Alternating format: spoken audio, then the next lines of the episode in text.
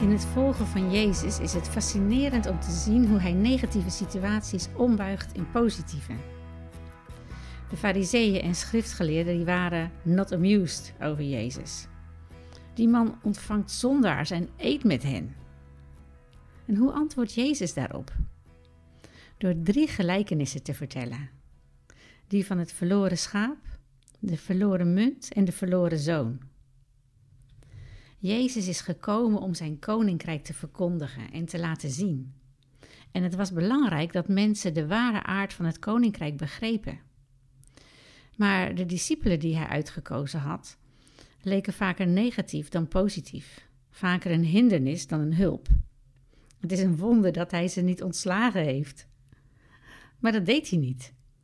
Hij sprak met ze, begeleidde hen en stortte zijn leven in hen uit totdat ze pilaren in het koninkrijk werden. Een paar weken geleden deed ik een stilte bij Chemin Neuf. Daar leer je op een Ignatiaanse manier Gods woord te laten spreken. Je hebt een tekst en een plek en een bepaalde tijd gekozen. En dan heb je dus een Bijbelgedeelte, bijvoorbeeld dat van Zacchaeus. En dan maak je als het ware een film van het stuk dat je leest. Je verplaatst je eerst in de ene figuur, dan in Jezus. En daarna stel je je voor hoe het zou zijn als Jezus de woorden die hij, in dit geval bij Zacchaeus, tegen jou zou zeggen. Wat gebeurt er dan? Wat gebeurt er met mij als Jezus zegt: Vandaag wil ik bij jou in jouw huis zijn en bij je eten? En dan heb je tijd om dat ja, in te laten werken. En dan merk je vaak dat Jezus dingen aan je laat zien. En bij mij ervaarde ik steeds een hele diepe vrede als ik die teksten zo doornam. In het verhaal van Zacchaeus zie je dat de aanwezigheid van Jezus zo'n enorme impact heeft dat hij de helft van zijn bezit aan de armen geeft. En iedereen die hij had afgeperst kreeg het viervoudige. Wat is daar nou gebeurd?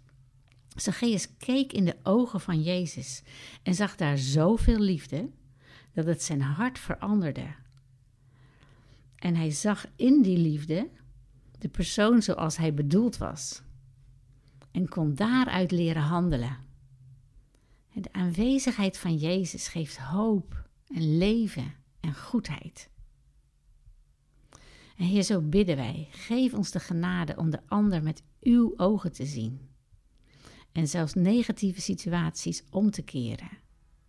Leer ons uw manier van omdenken, zodat we mogelijkheden in de mensen zien en dat uw naam wordt groot gemaakt, doordat u degene bent die leven brengt en heelheid. We prijzen uw naam.